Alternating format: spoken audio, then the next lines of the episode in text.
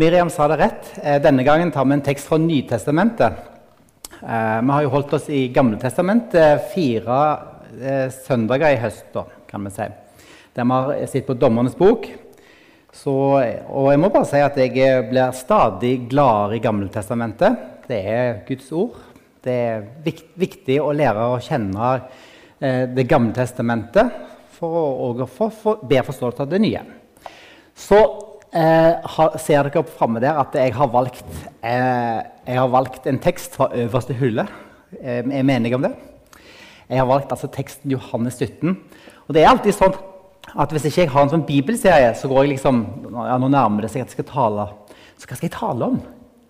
Så jeg har spurt Kristin og liksom spurt andre hva skal jeg tale om. Og det er, det er faktisk eh, ikke alltid like lett å velge, men etter hvert så kom denne teksten. Denne må jeg bare ta. Denne passer så bra. Og nå har jeg tenkt å lese teksten, lese et helt kapittel for dere før vi begynner. Det sømmer seg å bare lese teksten sin sammenheng. Og Da leser jeg fra Johannes 17, i, eh, der Jesus ber for disiplene sine. Der står det Da Jesus hadde sagt dette, løftet han blikket mot himmelen og sa:" Far, timen er kommet. Herliggjør din sønn, så sønnen kan herliggjøre deg. For du har gitt ham makt over alle mennesker, for at han skal gi evig liv til alle som du har gitt ham. Og dette er det evige liv, at de kjenner deg, den eneste sanne Gud, og ham du har sendt, Jesus Kristus. Jeg herliggjorde deg på jorden da jeg fullførte den gjerning du ga meg å gjøre. Far, gi meg nå din herlighet, den herligheten som jeg hadde hos deg før verden ble til. Jeg har åpenbart ditt navn for de mennesker du ga meg fra verden. De var dine, og du ga meg dem, og de har holdt fast på ditt ord. Nå vet de at alt som du har gitt meg, er fra deg for jeg har gitt dem de ord du ga meg, og de har tatt imot dem. Nå vet de i sannhet at jeg har gått ut fra deg, og de har trodd at du har sendt meg. Jeg ber for dem. Jeg ber ikke for verden, men for dem som du har gitt meg, for de er dine. Alt mitt er ditt, og det som er ditt, er mitt, og jeg er blitt herliggjort gjennom dem.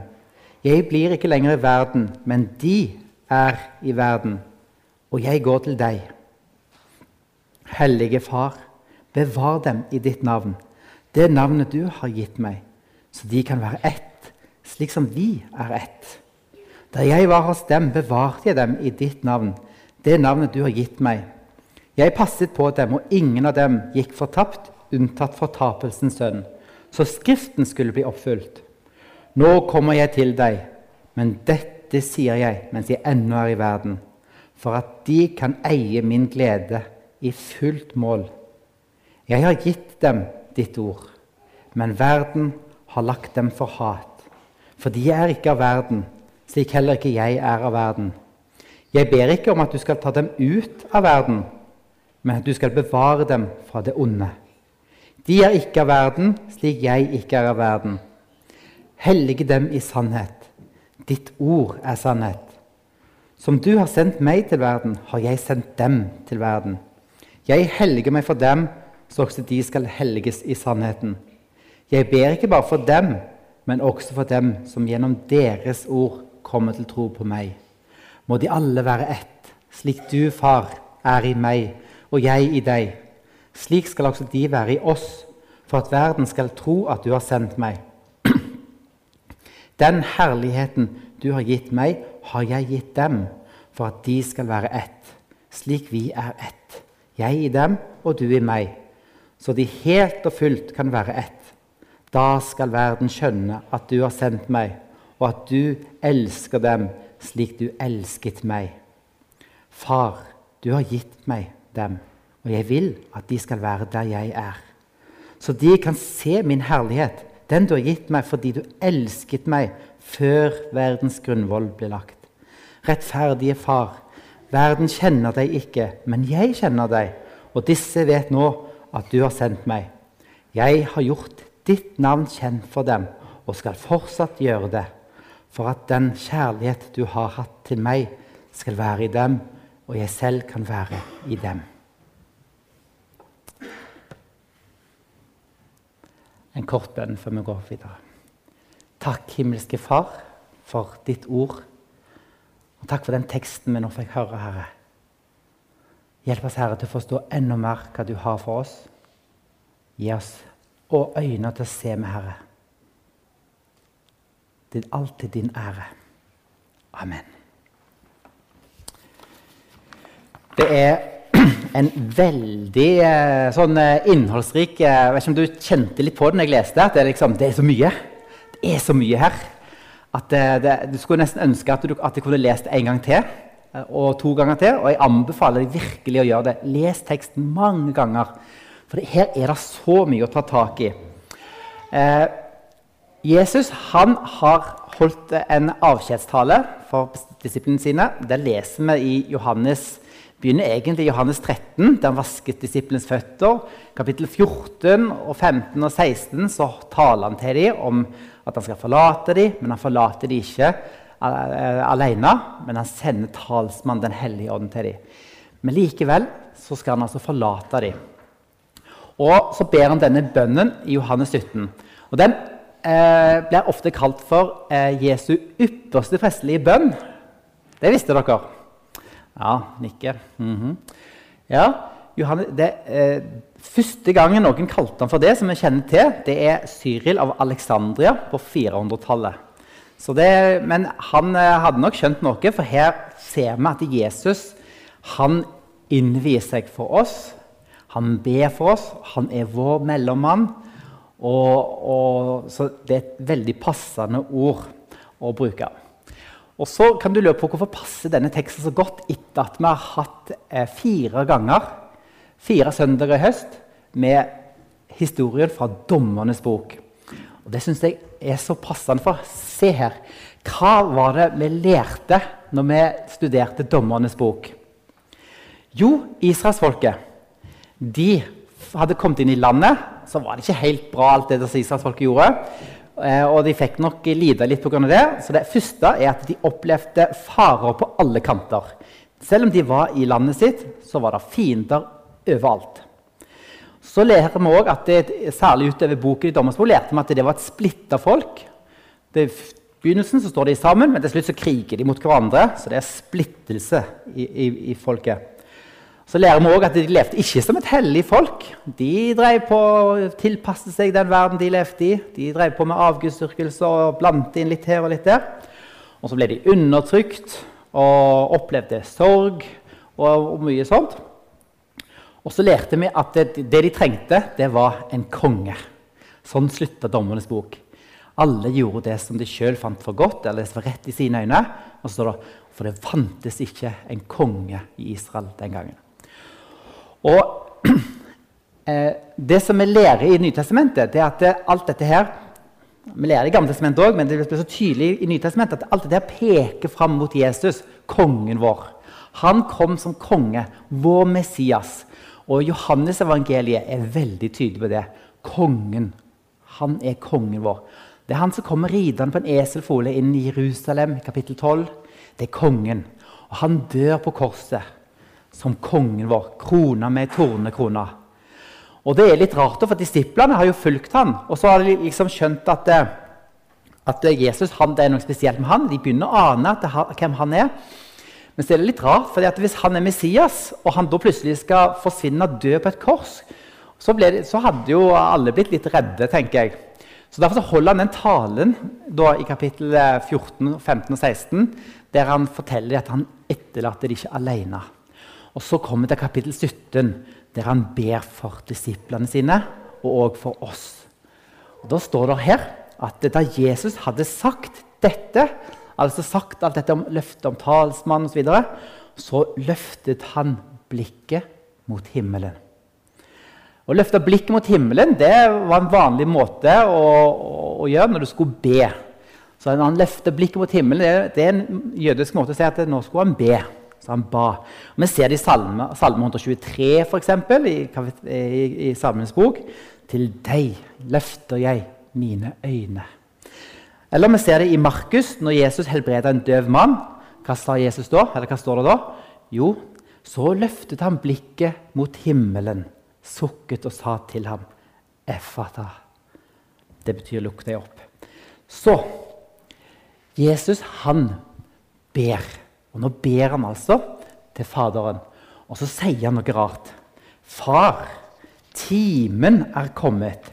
Herliggjør din sønn, så han kan herliggjøre deg. Timen er kommet. Far, timen er kommet. Når du leser Johannes-evangeliet, så ser du at, det, at Johannes eh, ofte siterer Jesus på at han nevner denne timen.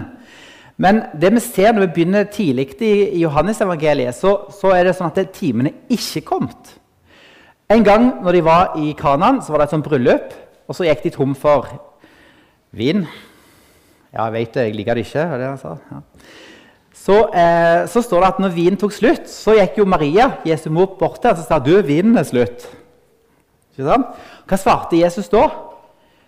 Han sa 'kvinne', som ikke er en sånn frekk måte å si. Altså, det er sånn, 'Kvinne, hva vil du meg?'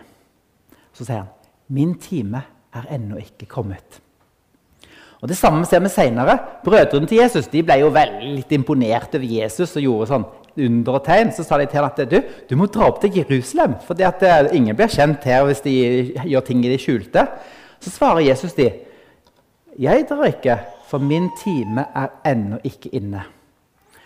Og Vi ser det også seinere. De ville gripe Jesus, og så, eh, så, og så bare slapp noen av dem.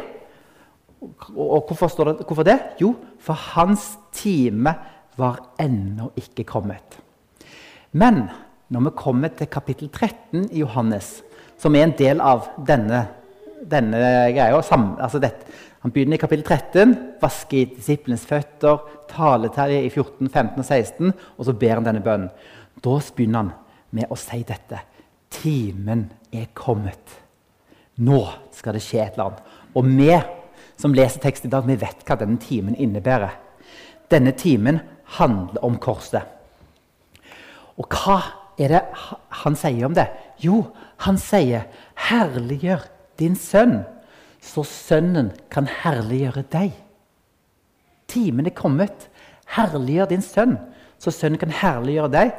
Og jeg vet ikke om du la merke til det når vi leste teksten, hvor mange ganger ordet 'herliggjort' eller 'herliggjøre' forekommer. Så jeg har markert I min bibel har jeg strekt under alle plassene med 'herliggjort' i kapittel 17. Og det er over hele kapittelet. Herlighet er veldig viktig i dette kapittelet. Faktisk veldig viktig i hele Johannes-evangeliet. Det greske ordet 'doxa' det kjenner dere for ortodoks. gjør dere ikke det? Doxa, også, eh, det, det betyr noe, kan bety noe sånn som lovprisning eller ja, herliggjørelse eller ære. kan Det også bety. Det kommer av det hebraiske ordet. Der kommer det, Henriette. Et hebraisk ord kavod, kavod eh, som, som, da er, blir oversatt med det samme på gresk i Gammeltestamentet. Kavod. Hva betyr kavod? Jo, Det betyr noe sånn som å ha tyngde. Det betyr noe å være sånn, det ble brukt om noe som var viktig og hadde tyngde og var fryktinngytende. Ble brukt om Gud. Når folk var redde for Gud, for de så hans kavod, da skalv de i beina. At de så hans herlighet. Jeg bruker det litt samme ord tyngde i dag òg. Når, vi skal argumentere for en sak, så sier vi at kanskje du gjør det fordi du har litt mer tyngde enn meg. Det betyr ikke at du veier mer enn meg, det betyr at du er viktigere enn meg. Og Sånn ble det brukt også i Gamletestamentet. Kavod. Det som er viktig. Tyngde. Det som var litt fryktinngytende. Mm -hmm. eh, vi ser det i Johannes-evangeliet hvordan dette ordet herliggjørelse eller herliggjort ble brukt. Eh, i Johannes 1,14 så står det Og ordet ble menneske og tok bolig blant oss, og vi så hans herlighet. En herlighet som den enbårne sønnen har fra sin far, full av nåde og sannhet. Og Disse tingene her eh, får en som er godt kjent i Bibelen, til å tenke på andre Mosebok, kapittel 33 og kapittel 34. Eh, for der, der, der, står det veldig mye om disse tingene. Moses han ville at Gud skulle vise seg for ham. La meg få se deg en herlighet, spør han. Og så, eh, hva, hva, svarte Gud da? Jo, Gud svarte, 'Jeg vil la all min godhet gå forbi deg og rope ut for deg navnet Herren.' Men jeg er nådig mot deg, for jeg er nådig mot deg, og den jeg viser nåde og barmhjertighet mot, den jeg forbarmer meg over. Du kan ikke få se ansiktet mitt, sa han. For et menneske kan ikke se meg og leve. Så Moses fikk ikke se Guds herlighet. Det, det var altfor fryktinngytende. Men han fikk likevel se litt av Gud. Og hva står det? Jo, i, i kapittel 34, vers 6, så står det Herren gikk forbi ham og ropte, Herren, Herren, en barmhjertig og nådig Gud, sen til vrede og rik på miskunn og sannhet. Ren, altså rik på miskunn og sannhet. Og Det er akkurat dette vi leste om i Johannes i kapittel 1, 14. For dette ingen kan se Gud. I kapittel 1, vers 18 i Johannes evangeliet så står det ingen har noen gang sett Gud. Men den enbårne, som er Gud, og som er i fars favn, han har vist oss hvem han er. I vers 14 så, så får vi se at, det, at det, Jesus han slo at det står egentlig han slo opp sitt telt iblant oss. Det samme som ble brukt om tabernakelet, der Guds herlighet viser seg. Og hva står det? For loven ble gitt ved Moses. Nåden og sannheten kom ved Jesus Kristus. Hva var det Moses fikk høre av Herren? Jo, Gud han var sent til vrede og rik på miskunn og sannhet. Miskunn og sannhet. Det kan også oversettes som nåde og sannhet. Så når, når, Jesus kommer, så kommer han og viser oss hvem Gud er. Og her, Guds herlighet er i Jesus. Han er den som kom og viste oss hvem han er. Så herliggjør din sønn, så sønnen kan herliggjøre deg. Den herlighet Jesus har, den har han for Faderen. Han viser oss hvem han er. Ingen har noen gang sett Gud, men den enbårne, som er Gud, og som er i fars favn, han har vist oss hvem han er. Så det Ordet herlighet det er veldig viktig i Johannes. Så leser vi For du har gitt ham makt over alle mennesker, for at han skal gi evig liv til alle som du har gitt ham. Og dette er det evige liv, at de kjenner deg, den eneste sanne Gud, og ham du har sendt, Jesus Kristus. Miriam hadde en innledning med at Jesus sto fram på Kristi himmelfartsdag og så sa han, 'Meg er gitt all makt i himmelen og på jord'. Og det er det samme vi leser her. Han All makt er gitt han over alle mennesker. Så han skal gi evig liv til alle som er gitt ham. Alle de som tror på ham, har løftet om evig liv. Men hva betyr evig liv for noe, da? Jo, det ble jo forklart her, det òg. For dette er det evige liv, at de kjenner deg, den eneste sanne Gud, og ham du har sendt, Jesus Kristus. Jeg vet ikke hva du tenker på når du ordet 'kjenne'. Hva du tenker på når du leser det? Kjenne Gud. Det er jo eh, mange som sier at det, ja, det betyr mer enn å ha kunnskap om Gud.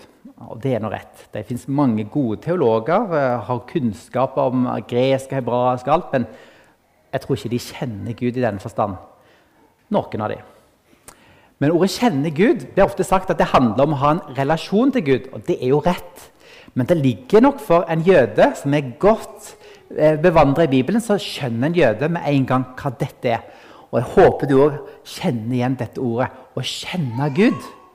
For dette er paktspråk. En pakt i Bibelen er veldig viktig for å forstå evangeliet. Hva er en pakt for noe? En pakt det er en avtale som sikrer oss Som gjør at vi kan vite at Gud holder den loven. Gud inngikk pakt gjennom Bibelen. Den pakten ble fornya stadig vekk. Første gang vi leser om pakt, er i Noah. Pakten med Noah. Så leser vi om Abraham, som Gud, som Gud er løftet på. At han skal være med han, og at han skal velsigne han. Og Så ser vi David ble pakten fornyet. For Davidspakten om løftet om om at eh, hans slekt skal, at det, skal, at det skal være en konge som skal være evig. Og så ser vi at når Jesus kommer, så skjer det et eller annet med pakten da òg. Og alt dette er en, er en, oppfyllelse av det som står i Jeremia 31. Der står det Se, dager skal komme, sier Herren, da jeg slutter en ny pakt med Israels hus og Judas hus. Og det var i 31, 31. Og i vers 34 hva står det der i Jeremia? Da skal ingen lenger undervise sin neste og sin bror og si 'Kjenn Herren'.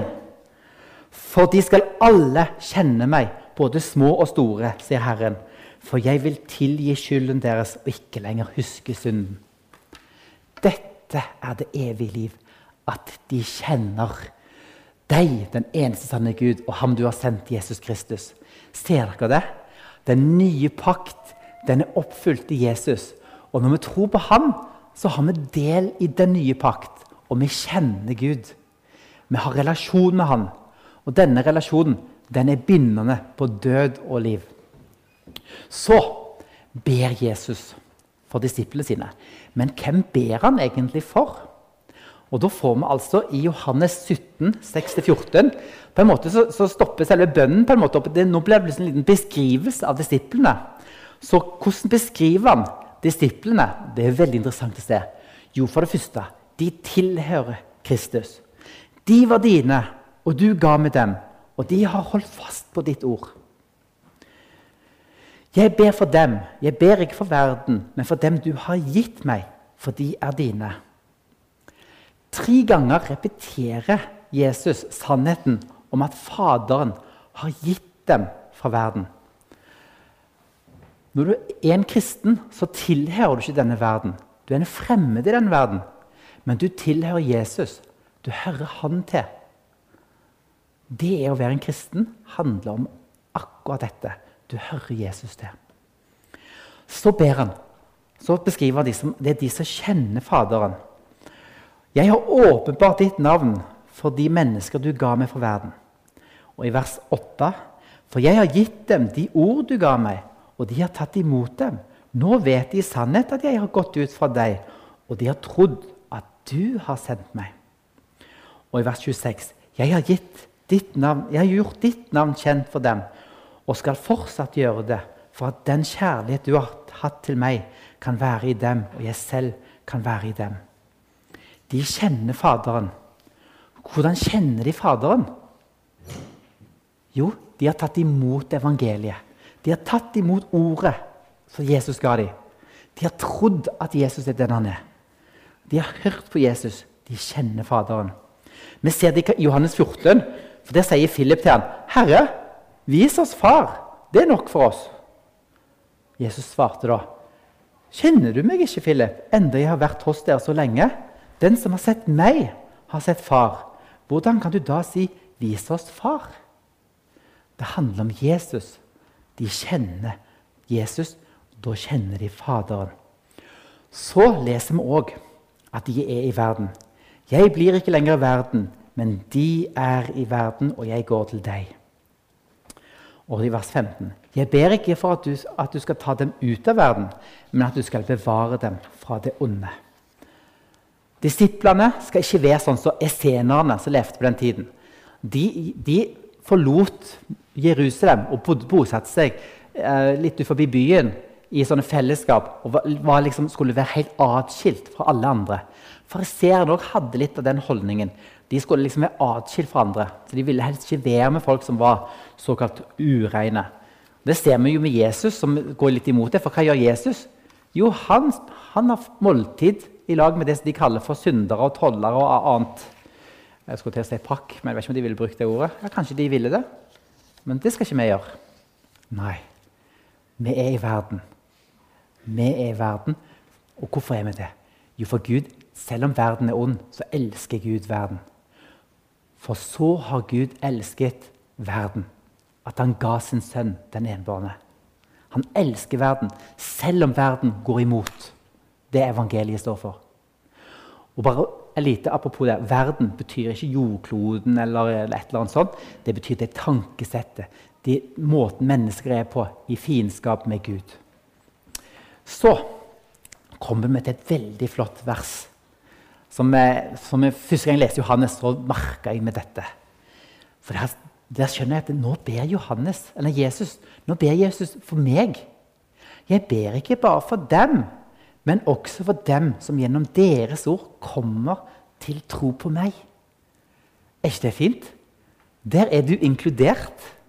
Det, jeg tolker som at vi er på en måte inkludert i hele bønnen pga. dette. her.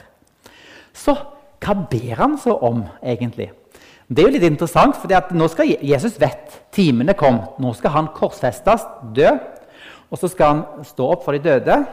Og så fer han til himmelen, sitter ved Gud Faders høyre hånd, som jeg leste, eller som jeg sa i trosbekjennelsen.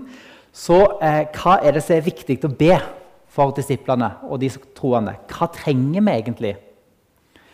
Noen synger 'All you need is love'. Ja, jeg skal ikke synge Men eh, hva er det vi trenger? Hva ber Jesus om? Jo, nå vil jeg du skal huske det jeg sa om dommerne. For dere ser at Det matcher så godt, det vi har lært fra Dommerens bok. For det første så ber han at de må bli bevart. Jeg blir ikke lenger i verden, men de er i verden, og jeg går til deg. Hellige Far, bevar dem i ditt navn. Han ber vi må bli bevart. Har du hørt noe sånt før?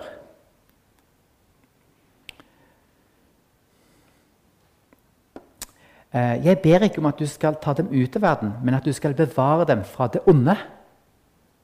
De er ikke av verden, slik jeg ikke er av verden. Bevare dem fra det onde. Er det noen som, det noen som ber det av og til? Det er akkurat det vi ber om i Fader vår. ikke Det Det er akkurat de samme greske ordene. faktisk. Bevare dem fra det onde. Så ber han at de må være ett. Ofte så tror jeg folk tenker om Johannes 17 det som om Jesu at det handler om én kristen enhet. Men som dere ser, så er det viktig med kristen enhet, men det er bare én av disse mange tingene. Og Her sier han, 'Hellige Far', Bevar dem i ditt navn, det navnet du har gitt meg, så de kan være ett, slik som vi er ett. Og så sier han, må de alle være ett, slik du, far, er i meg og jeg i deg. Den herlighet du har gitt meg, har jeg gitt dem, for at de skal være ett, slik vi er ett. Jeg i dem og du i meg, så de helt og fullt kan være ett. Da skal verden skjønne at du har sendt meg, og at du elsket dem slik du har elsket meg. Og det siste verset der, det er et ganske forunderlig vers, er det ikke det? Jesus er sønnen i treenigheten. Gud Fader, Guds Sønn, Gud Helligånd. Fra evighet av så var de en treenig Gud i en relasjon til hverandre. Og der, der var det kjærlighet. Det er for øvrig et godt argument for treenigheten. Hvis Gud bare er én person, sånn som f.eks. muslimene tror, hvordan kan det da være kjærlighet fra evighet av? Det er umulig. Men treenigheten gjør at det, Gud kan, vi kan si Gud har kjærlighet, eller er kjærlighet fra evighet av. For det er en relasjon mellom tre personer i én guddom. Treenigheten er fantastisk. Faderen elsker sønnen, har alltid gjort det. Men se hva som står der. Se hva som står Og du elsket dem slik som du har elsket meg. Tenk litt på det. Som Faderen har elska Sønnen, sånn elsker han oss. Tenk på det. Som Faderen har elska Sønnen, sånn elsker han deg. Det er helt utrolig. Og kristen enhet Vi kan jo eh, prøve å bli like og, og liksom ha enhet på den måten, men det funker veldig dårlig. Hva er det som gjør at vi kan ha kristen enhet? Jo, det er at vi alle er samstemt. Ikke med hverandre, men med, med Guds ord. At vi alle er ett med, med, med, Faderen, sånn som Jesus sier. At vi er ett med Sønnen. Vår enhet er i Kristus. Hva sier Paulus? Han sier, I Efeserbrevet så sier han Sett alt inn på å bevare åndens enhet i den fred som binder sammen. én kropp, én ånd, slik dere fikk ett håp da det ble kalt. Én Herre, én tro, én dåp, én Gud og alles Far. Han som er over alle og gjennom alle og i alle. Kristen enhet den finner vi fordi vi har felles far. Så ber Jesus. Hellige dem i sannhet, ber han. Ditt ord er sannhet. Som du har sendt meg til verden, har jeg sendt dem til verden. Jeg helliger meg for dem, så også de skal helges i sannhet. Hva betyr det egentlig å være hellig for noe? Å hellige noe, hva betyr det? Helliggjørelse det tenker kanskje mange på at det, ja, å være helliggjort det betyr at nå har du slutta å synde. og sånt, Nå er du liksom blitt sånn hellig. Sånn eh, ren og fin. Å være hellig innebærer nemlig å bli atskilt fra synden. Så Det er den negative sida ved det. At du vender deg vekk fra synden. Men helliggjørelse i Bibelen betyr òg noe annet veldig viktig. Og Det ser vi f.eks. i tabernaklet eller i tempelet. Så var det sånn at Karene som skulle bli brukt i tempelet, de ble hellige. Det betyr at de ble innvidd til en bestemt type oppdrag, altså til en tjeneste. Ofrene de ble hellige. De ble innvia som offer. Prestene ble òg hellige, innvia til tjeneste. Og Her ser vi altså Jesus som da sier 'Jeg helliger meg for dem'. Og da skjønner du at Det betyr ikke at Jesus slutter å synde, for han har aldri synda. Nei, Jesus innvier seg for oss. Det er det det betyr. 'Jeg helliger meg for dem'. Og så står det at det, vi skal helliges. Hvordan er det vi blir hellige? Hellige dem i sannheten. Hvor finner vi sannheten? Ditt ord er sannhet. Så eh, Miriam hun snakket om at ting skulle dreie seg om misjon i dag. Og det, Denne teksten handler om nettopp misjon. Fordi at det, Hvorfor skal vi helges i sannheten og alt dette her? Hvorfor ber Jesus? Jo, han, det er fordi at vi er igjen på jorda. Han tar oss ikke ut av verden, men hva gjør han? Han sender oss til verden. Slik som Faderen sendte Sønnen til verden for å innvie seg. Så sender han oss til verden for at vi skal være et vitne for han, sånn at andre kan komme til tro. Og Vi er alle sendt i den forbindelse, i den sammenheng. Vi er alle misjonærer, utsendt i den verden vi er. Derfor har vi indremisjon og ytremisjon. Vi er utsendt, sånn som Faderen er. Og så er det en ting til som han ber om, og det er at de må ha glede. Nå kommer jeg til deg, men dette sier jeg mens jeg ennå er i verden, for at de kan eie min glede i fullt mål. Hvordan får vi denne gleden? Vi får del i Hans herlighet, står det. Vet du hva det står i Bibelen en annen plass? I Romerne 3, 23 står det et vers. Det er faktisk et av de versene jeg bare kan i 1930-oversettelsen av en eller annen merkelig grunn. Der står det at det, for alle har syndet og fattes Guds herlighet. står der. Er ikke det morsomt? Altså har ingen del i Guds herlighet. Vi har ingen del i den, sånn som vi er oss sjøl. Men pga. det Jesus har gjort, at han innvier seg på korset for oss, så kan vi ha del i denne herligheten. Og vi har håpet om den herligheten. Når du leser Romerbrevet, så vil du se at Romerne kapittel 5 og kapittel 8 handler om nettopp håpet om herligheten. Vi har allerede del i den nå, men vi har den ikke fullt ut. En dag så skal vi få det fullt ut når vi står framme i himmelen i lag med Jesus og ser han akkurat sånn som han er. Da ser vi hans herlighet, og den herligheten har vi òg del i. Jeg har gjort ditt navn kjent for dem og skal fortsatt gjøre det, sier Jesus i slutten, avslutningen. For at den kjærlighet du har hatt til meg, kan være i dem, og jeg selv kan være i dem. Jesus ber for oss. Kjære himmelske Far. Hjelp oss, Herre, til å forstå mer og mer av denne sannheten. At vi kan ha glede, Herre, i alt det du har gjort for oss. At vi kan eie denne gleden, vi òg. Du som ga ditt liv for oss. Kjære Jesus, takk for nåden. Amen.